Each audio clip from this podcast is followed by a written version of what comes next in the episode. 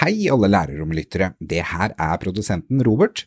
Jeg ville bare gjøre deg oppmerksom på at denne episoden den ble spilt inn før skolene ble koronastengt i mars 2020.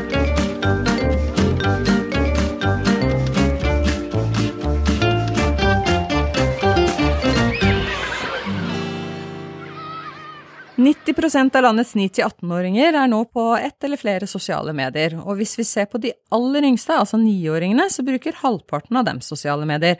Dette viser tall fra Medietilsynet, og internasjonal forskning viser også et enormt omfang. Og hva gjør den omfattende bruken og eksponeringen den medfører med barn og unge? Og merkes noe av dette i klasserommet, og i så fall hvordan?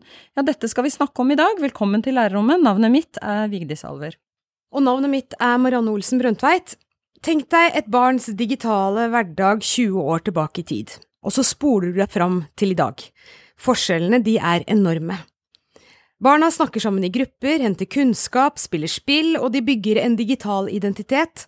Og det de møter der, kan både være nyttig, skremmende, skadelig og oppbyggende. YouTube, Snapchat, TikTok, Instagram og Facebook, plattformene de står klar til å ta barna imot. Og med oss eh, inn hit så har vi tre ulike gjester med ulikt kompetansefelt. Og velkommen til deg, medieforsker Elisabeth Staksrud, professor ved Institutt for medier og kommunikasjon ved Universitetet i Oslo. Hei, hei.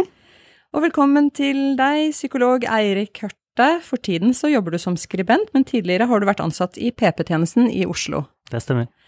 Og så har vi deg, rett fra klasserommet, Stine Christensen Holte, lærer ved Oslo-skolen. Tidligere har du sittet i sentralstyret i Utdanningsforbundet. Hei, hei. Elisabeth Staksrud, vi starter med å beskrive litt eh, hva de unge står i. Du har blant annet ledet den omfattende undersøkelsen EU-Kids Online 2020, der 19 land eh, deltar. Den viser mye, annet at eh, barn i Norge bruker mer tid på internett enn andre europeiske barn. Hvis du skal trekke fram de viktigste funnene rundt barn og unges liv med sosiale medier, hva vil du si da?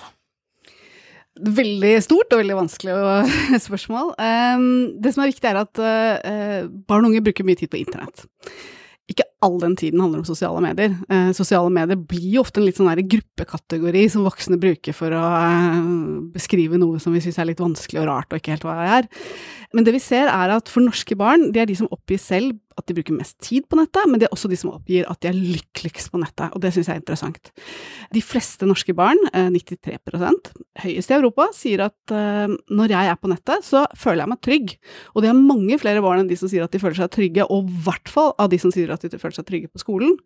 Så oppsummert så kan jeg si at kanskje det viktigste er at internett oppleves uh, som et positivt sted for barn og unge, og når det gjelder sosiale medier, så er det jo nettopp det som er nøkkelen. Det er det sosiale.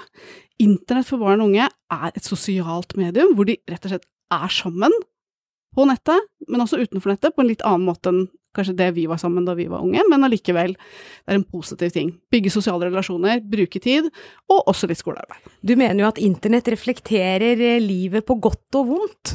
Eh, hva legger du i det? Det er litt, litt sånn at uh, nå har jo veldig mange voksne, når uh, vi som er foreldre nå, og besteforeldre og lærere, har jo ikke vokst opp uh, egentlig med internett selv. I hvert fall ikke den type internett som er nå. Og det betyr at når vi tenker på internett, så tenker vi ofte litt statisk. Tenker at det er litt sånn som TV-en, at det handler om skjermbruk og skjermtid. Mens barn og unge har et veldig sofistikert brukermønster som inkluderer en hel masse ulike, uh, ulike ting som de gjør. Det gjør jo at vi um, på en måte får litt sånn generasjonsproblemer, men, uh, men uh, jeg kan jo bare berolige alle og si det går stort sett veldig, veldig bra. Stine Christensen Holte, hvilke tanker er det du som lærer har gjort deg om hvordan elevenes påvirkning fra sosiale medier og internett da dras inn i klasserommet, eller dras det ikke inn i klasserommet? Jeg jobber jo på barnetrinn med de minste elevene, og jeg merker eh, veldig godt Eh, den nysgjerrigheten eh, man har på det som omhandler sosiale medier, fordi at man har hørt så mye om de ulike appene, kanskje av eldre søsken eller eldre eh, barn på skolen.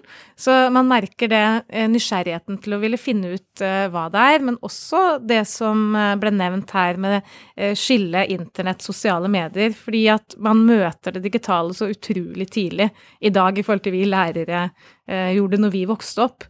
Eh, og, og, man merker hvordan på måte det påvirker, eh, påvirker dem da, i deres hverdag med samhandling.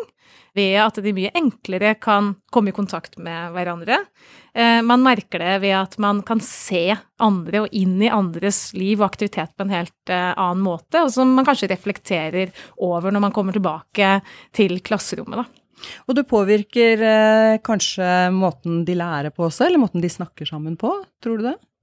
Jeg tror at uh, hvis du tenker sånn internett først, da, mm. så er det en helt annen måte å lære på i dag, uh, og muligheter til å lære, enn uh, bare noen altså ti år tilbake. Og det er en mulighet til å samhandle digitalt, så da kommer man jo litt inn i det som omhandler sosiale medier, der man har mulighet til å samhandle mer sammen, kanskje ikke bare når du sitter sammen i en gruppe, men også på en digital plattform når det er to helt forskjellige steder. Mm. Så det gir muligheter. Tenker du at sosiale medier kan bety et nyttig verktøy inn i skolehverdagen? Staksrud var jo litt inne på det, at det blir brukt litt på skole òg. Jeg tror det kan eh, være nyttig. Altså enten så handler det jo om å kunne bruke noen av de eh, sosiale mediene som, som, vi kjenner til, på en eh, pedagogisk måte. Utfordringen der er jo litt det som går på aldersgrenser og sånn. Det blir helt feil av oss å skulle oppfordre til altså apper som har eh, aldersgrense. Men det finnes en del læringsplattformer som man bruker lenger ned eh, på barnetrinnet f.eks., som kan gi en mulighet til å åpne opp for eh, f.eks. dialog digitalt. Som er litt sånn i tråd med det som er i sosiale medier. Og dette har du erfaring med sjøl som lærer? Eh, jeg har erfaring med at de kan kommunisere gjennom uh, ulike plattformer. Og jeg syns også det er litt spennende jeg har lyst til å prøve ut det i større grad. Eirik Hørte, som du beskriver selv i en av artiklene dine på psykologisk.no, så tilhører du en generasjon som har vokst opp i en brytningstid, sier du, mellom en analog barndom og en digital ungdomstid. Hvordan tenker du at det har påvirka deg? Ja, jeg syns det er veldig spennende de tingene som blir, som blir, nevnt nå. Dette med at eh, spesielt det at barn blir eksponert så tidlig for det digitale. Jeg ser jo jeg annet uh, jobba i barnehage. Jeg husker vi hadde et sånt derre et kamera et sånt gammelt digitalt kamera med en skjerm på. Da husker jeg det var liksom ettåringer og toåringer som ble veldig veldig frustrert fordi de ikke kunne liksom bruke fingrene sine og liksom zoome og flytte på. Og da tenkte jeg veldig på hvor annerledes det var fra hvordan jeg vokste opp eh, med absolutt medier, men ikke den derre interaksjonen, på en måte. Da. Eh, hvordan tror du generelt at en, en sånn heldigital oppvekst eh, nå skiller seg fra din? Ja, det er, det er litt vanskelig å si noe generelt om det, kanskje. Men uh, jeg vil i hvert fall tenke at uh, når man utvikler seg som person, så er jo det en veldig sosial prosess. Og for 50 år siden så var det kanskje en sosial prosess som skjedde i liksom den virkelige verden mellom mennesker. Men nå så er det vel kanskje, i hvert fall jeg ser den trenden mer og mer, til at den utviklingen også skjer på liksom digitale plattformer. Da.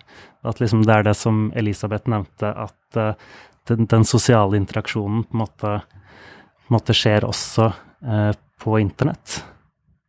Ja, jeg tenker det er, det er, veldig interessant, men det er også um, noe av det som ja, i hvert fall barn og unge og uttrykket at de føler frustrerende, er jo kanskje at vi, vi, snakker om det som voksne ofte, sånn som de gjør nå, om at det er den virkelige verden, og så er det internettverden. Eller mm. at man bruker ord som 'eksponert for', mm. som om dette var på en måte en slags sykdom eller et virus eller, eller et eller annet. Men det er jo uh, ikke sånn. Og når vi snakker om at, at dette er en integrert del av eh, livet og barndommen, så handler jo det ikke om bare barn og unge, men det handler jo om oss alle sammen. Internett er jo ikke en slags reform som vi kan håpe går over, som så mange andre ting som skjer i skolen, men noe som er integrert, og som tas opp i livene våre, eh, og kommunikasjonsmønstre og, og måten vi lever på, som, som, andre ting er blitt tatt opp før i tiden. Mm. Um, sånn at det, for barn og unge i hvert fall som vokser opp nå, og nå vi har, har over 20 år med, med ganske sånn solid forskning bak oss, at det, vi anbefaler i hvert fall som forskere at man ikke lenger lager et sånt, hva som oppleves som barn og unge, for et kunstig skille mellom det som er virkelig og det som er på nettet. For det er ikke sånn det er. Det er de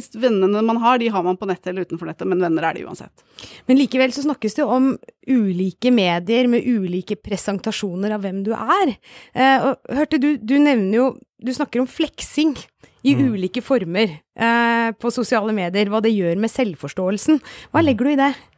Nei, Det er jo på en måte noe jeg har vokst opp med. Da, på en måte. At man kan eh, Og det, det er helt enig i det du sier, at liksom virkeligheten er virkeligheten, på en måte. Og, og, på en måte at det er en forlengelse av det, ikke et skille med det.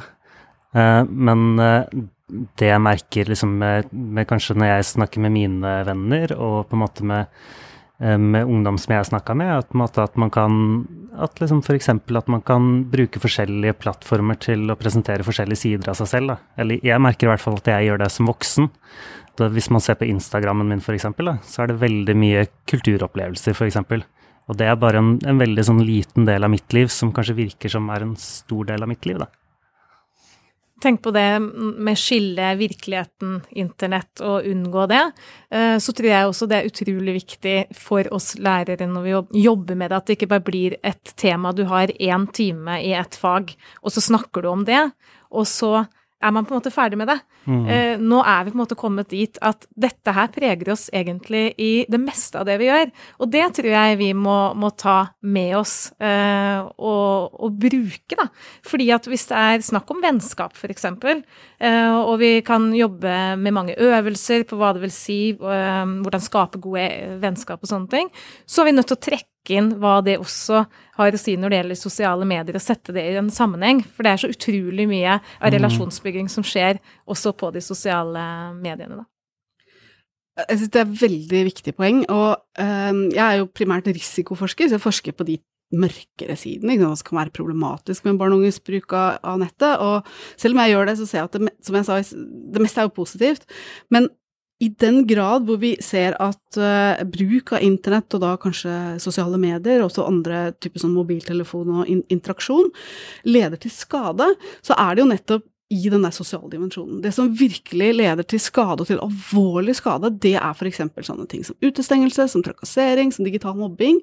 Og det i mye større grad enn det som foreldre og lærere uttrykker at de er bekymra for.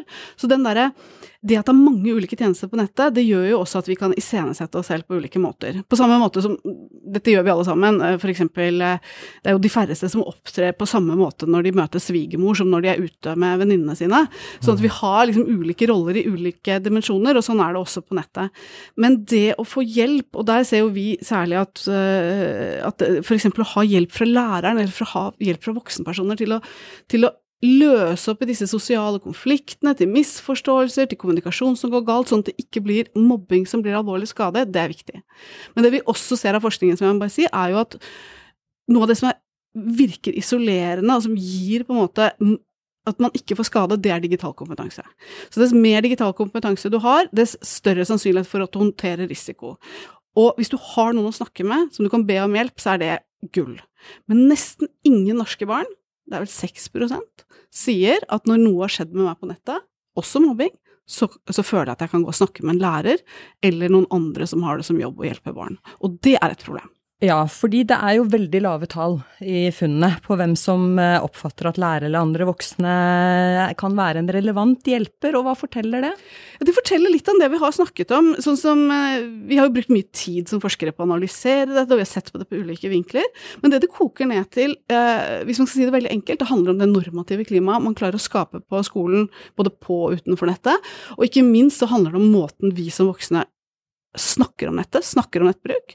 Og hvis barn og unge oppfatter at voksne er negative, at vi skiller på en måte veldig, at vi snakker om det som et, som et problem eller som en utfordring, eller som du sagt, noe vi må ta en, dag, en gang i året, og at vi alltid fokuserer på, på en måte, dette må dere ikke gjøre og ikke gjøre, så opplever vi at ok, disse voksne de skjønner ikke hvordan jeg har det. Og eh, de sier at det er ikke noe vits i å gå og snakke med en lærer eller til og med til foreldrene mine, for alt de kommer til å si da, er ja, men burde ikke du strengt tatt heller vært ute og lekt? Også hvis du har da en mor eller far da, som ikke spør før man deler bilder i sosiale medier, eller som poster fake news på Facebook. Hvordan kan man da lære bort digitale ferdigheter? Ja, og det er jo der skolen er så veldig, veldig viktig. Fordi det er jo sånn at vi vet at norske barn eh, Det vi har felles, er at vi eh, Veldig mange norske barn er institusjonaliserte helt fra barnehagen. Vi har barnehagen felles, de fleste av oss, og så har vi skolen felles.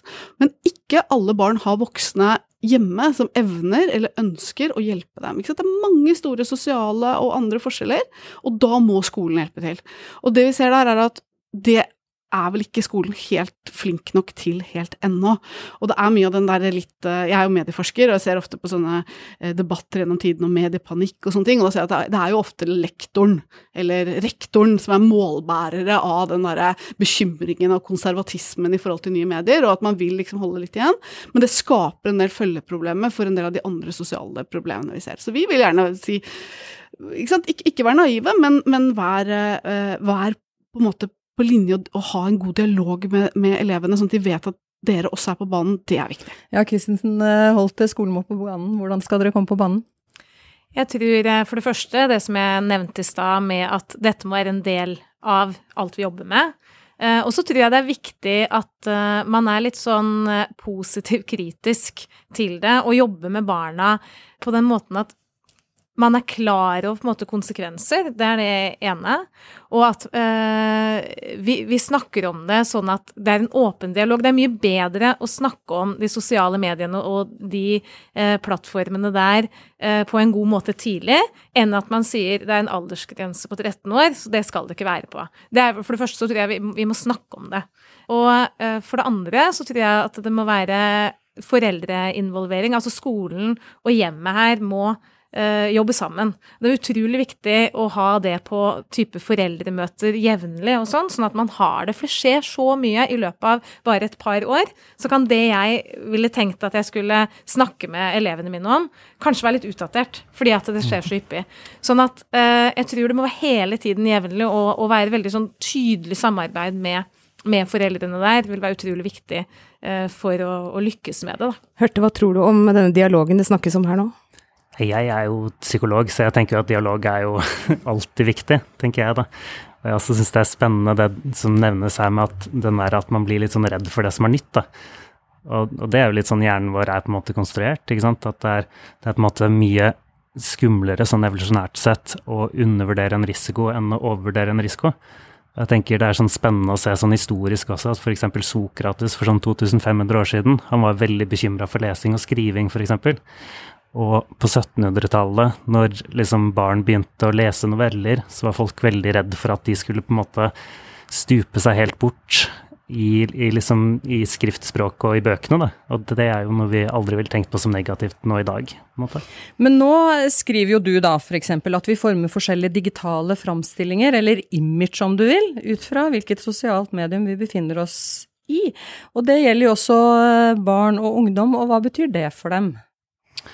Eh, jeg vil jo tenke at det er en slags måte å leke med identitet på. At det er eh, akkurat som man kan gjøre det i den virkelige verden. på en måte. Sånn som eh, det nevnes her med at man er forskjellig overfor svigermor overfor foreldrene sine. Så kan man også bruke internett til å utforske sin egen identitet og forskjellige sider ved sin identitet. Da. Og så tenker jeg at hvis det blir et, en, et kjempestort sprang mellom hvordan man fremstår på internett og hvordan man fremstår mellom, med andre mennesker, så, så jeg vet ikke om det kan være problematisk, men det er i hvert fall interessant, tenker jeg. Men, men, det er jo også økende psykisk uhelse blant barn og unge som har kommet fram i Ungdata, og tenker du at man bør være obs på en sammenheng mellom det og sosiale mediebruk? Mye liv på internett? Ja, det, det, tenker jeg at der er også forskningen litt sprikende, så vidt jeg kjenner til. Da. Det vet kanskje Elisabeth enda mer om enn meg. Men, men, man ser i hvert fall at bruken av sosiale medier er veldig viktig. Sånn at hvis man bruker sosiale medier på en skadelig måte, så kan det føre til psykisk uhelse. Og det er jo kanskje litt sånn som livet ellers også, at det er på en måte hvordan man lever livene. Eller som, ja. Jeg tror det er viktig å, å, å plukke opp på det, fordi det er jo sånn altså dette her med at vi, vi ser jo alt som voksne, så vi ser jo alltid på nye medier med litt sånn gamle briller på det vi ikke har vokst opp med selv. Og det å tenke på så sånn Hvis man tar dette med, med, skade, og er det skadelig å være på sosiale medier, så har jo ikke noe forskning som viser at det er skadelig. Det vi pleier å si, er at det er ikke sånn at internett nødvendigvis gjør barn mer sårbare, men den kan gjøre sårbare barn mer tilgjengelige. Og Det er sånn, det vi ofte ser, er at vi har en, en det vi kan kalle en slags sårbarhetsmigrasjon. At hvis du er, blir mobba, f.eks., så er sjansen mer sannsynlig for at du også blir utsatt for uønskede seksuelle meldinger. Og det er mer sannsynlig for at du f.eks.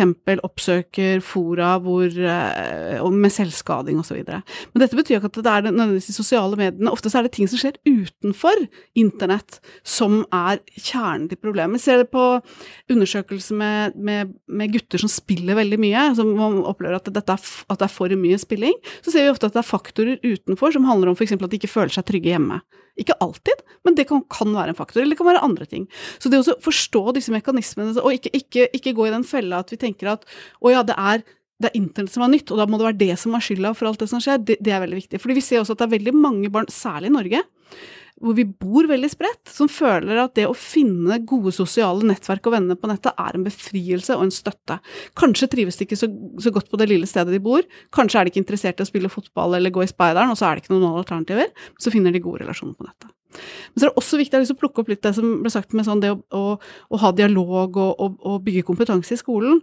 Og av, jeg ble spurt sånn i begynnelsen, når vi begynte å snakke, så sånn, hva var den største overraskelsen på undersøkelsene? Og en av de store overraskelsene som jeg fikk meg nå når vi sammenlignet disse 19, land, 19 landene, var at i 2010, når vi gjorde denne undersøkelsen, så var Norge veldig Vi var liksom flinkest i klassen. Vi var sånn superflinke til alt mulig rart, og barna var veldig digitale, og ja, vi lå høyt på en del risiko, men det var mye digital kompetanse, og det var mye sånn fokus på det. Når vi ser på tallene nå, så ser vi at Norge ligger ofte under snittet når det gjelder digital kompetanse.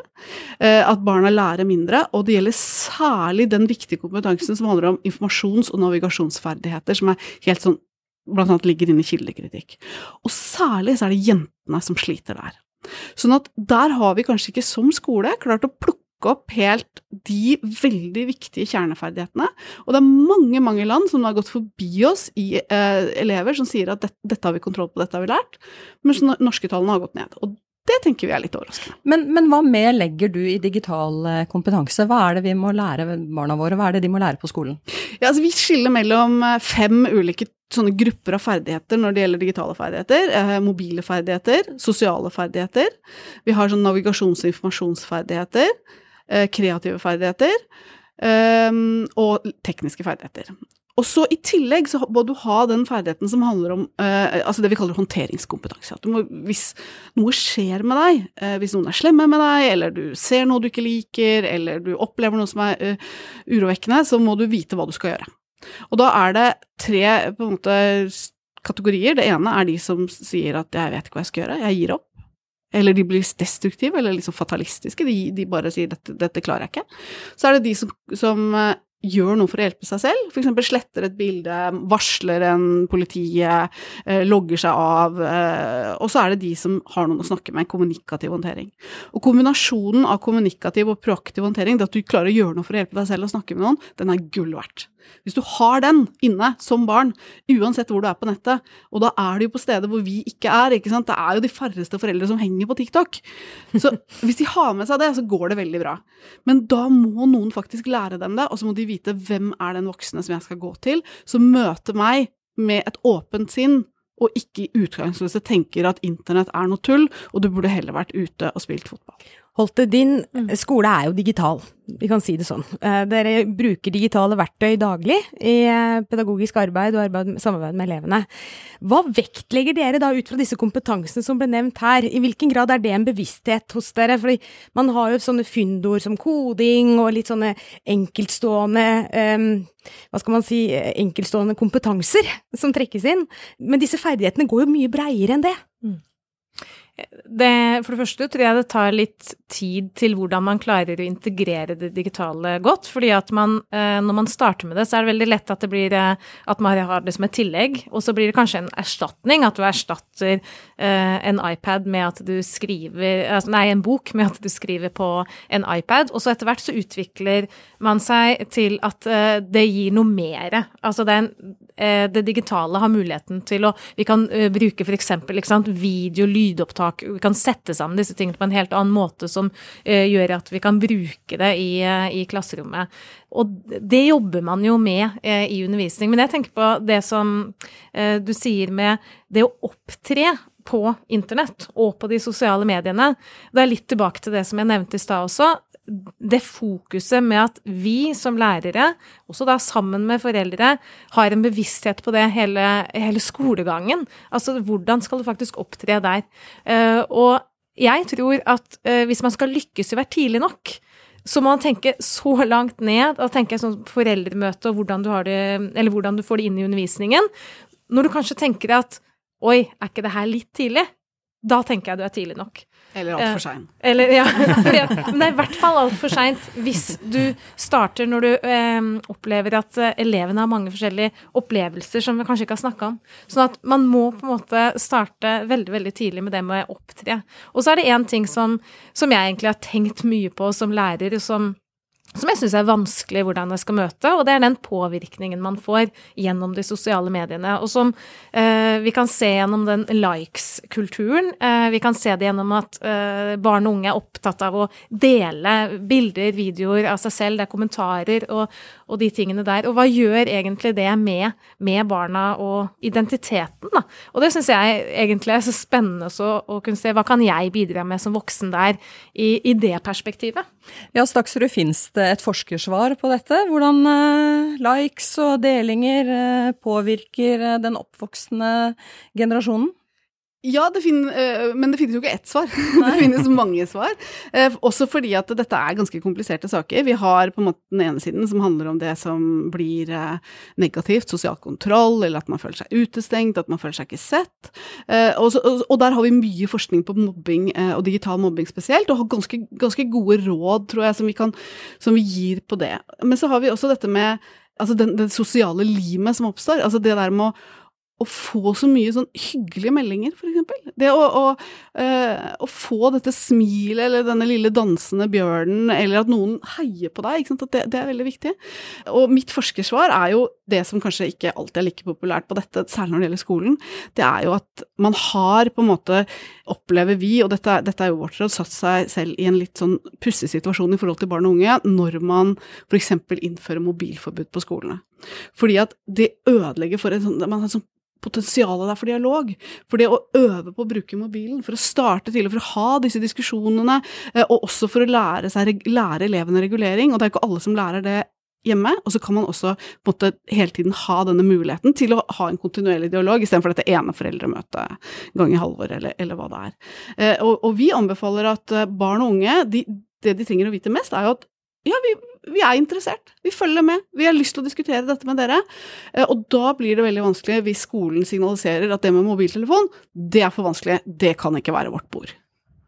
Mm, så tenker jeg at vi voksne er jo rollemodeller også for uh, ungdommen, og hvordan vi bruker internett. Det er på en måte en måte å vise hvordan barna skal bruke internett, og hvordan ungdom skal bruke internett. Så ja. jeg tenker at det er viktig at vi vet. Og der har vi jo så morsom, eller ikke morsom da, men vi har jo statistikk, vi snakker om det der med hva, hva, hva gjør det med en oppvoksende generasjon at de deler så mye om hverandre og sånn, men når vi spør, så ser vi jo det at norske foreldre er de i Europa som deler mest om barna sine uten å spørre dem først, mens det er nesten ingen som har opplevd det samme fra vennene sine. Mm. Og bare én ting til, Staksrud. Du snakket jo om dette med utenforskap og sånn, og nå nevner du smilende bjørner og tommel opp. Alle barna får jo ikke det. Alle, alle ungdom får ikke det. Nei, og, da, og, det er det som er så viktig, at, at, hvis vi skal forstå som voksne de sosiale me mekanismene som også er negative, f.eks. det at det å ikke få disse likesene eller tommel opp eller noe, det er en måte å bli utestengt på, at man skaper det som jeg kaller liksom, digitale spøkelser, at dette blir en veldig synlig sosial kontroll, at alle ser at du ikke får disse likesene, at vi må prøve å forstå at dette faktisk er et problem, at det oppleves som et problem, at vi er nødt til å snakke om det som det, istedenfor å si ja, men hallo, kan det være så farlig? Er du, er du virkelig så opptatt? Ikke sant, gå ut og vekk. Jeg tenker vi må ta på alvor det som også sånne type plattformer kan føre til, som du er inne på nå, med det med ute, utestengelse, kommentarer, og hvordan det kan bygge opp under forskjellige grupperinger, f.eks. Uh, og når du nevner det med at uh, velkommen til mobiltelefon og sånn, så tenker jeg umiddelbart ok, har man god nok kontroll når det er en plattform som du i utgangspunktet ikke klarer å se på samme måte. Uh, jeg tenker også umiddelbart da at vil det plutselig bli en arena for en type, en, type, mobbing eller noe sånt, noe som vi mister oversikten på? Um, sånn at jeg syns det, det, er vanskelig å si ja til mobil telefonen med en gang pga. det. Ja, det som er, er at fra mitt perspektiv, da, og jeg er jo ikke skoleforsker, jeg jobber jo ikke i skolen, men fra mitt perspektiv som medieforsker, så er det jo ikke sånn at, at hvis skolen sier at man ikke har mobil, da mister man i hvert fall oversikten, for alle barna har mobil. Og da blir det bare sånn at den mobbingen eh, og den utestengelsen, den flyttes ut fra skolegården, og så har man ingen andre å komme og be om hjelp for, fordi man sier ja, men dette skjedde på fritiden. Det er ikke skolens bord. Nå skal vi gi en siste utfordring til deg, Hørte. Du skal få lov til å spole 20 år framover i tid. Dagens yngste brukere av sosiale medier er da blitt voksne. Ja. Mange har kanskje barn selv. Hva slags eh, barn og voksne ser du i den spåkula di, uten å da frarøve deg all faglighet, for å si det sånn? det, det, blir, det blir vanskelig, det blir ren gjetting. Eller vi venter fortsatt på flyvebilene. Så jeg tenker at det er vanskelig. Men, men jeg, jeg tenker at det er, det er jo ikke en utvikling som kommer til å stoppe, tenker jeg. da. I hvert fall tror jeg at det blir det samme som å prøve å stoppe bøker på 1500-tallet. Eh, At, eh, at det her er noe som skjer, og det er noe som vi må forholde oss til. Og at det kan egentlig være ganske interessant. Ja, utvikling har vel eh, aldri stoppet opp før heller, så vi sier takk for oss for, for denne samtalen, og fortsett den gjerne et annet sted. Takk til dere som var her, og det var Elisabeth Staksrud, Eirik Hørte og Stine Christensen Holte. Marianne og jeg, vi takker for oss. Det gjør vi, Vigdis, men lærerrommet er tilbake om ikke lenge med en ny episode til deg. Tusen takk til alle dere som lytter på oss. Fortell gjerne om oss til alle du kjenner. Ha det bra!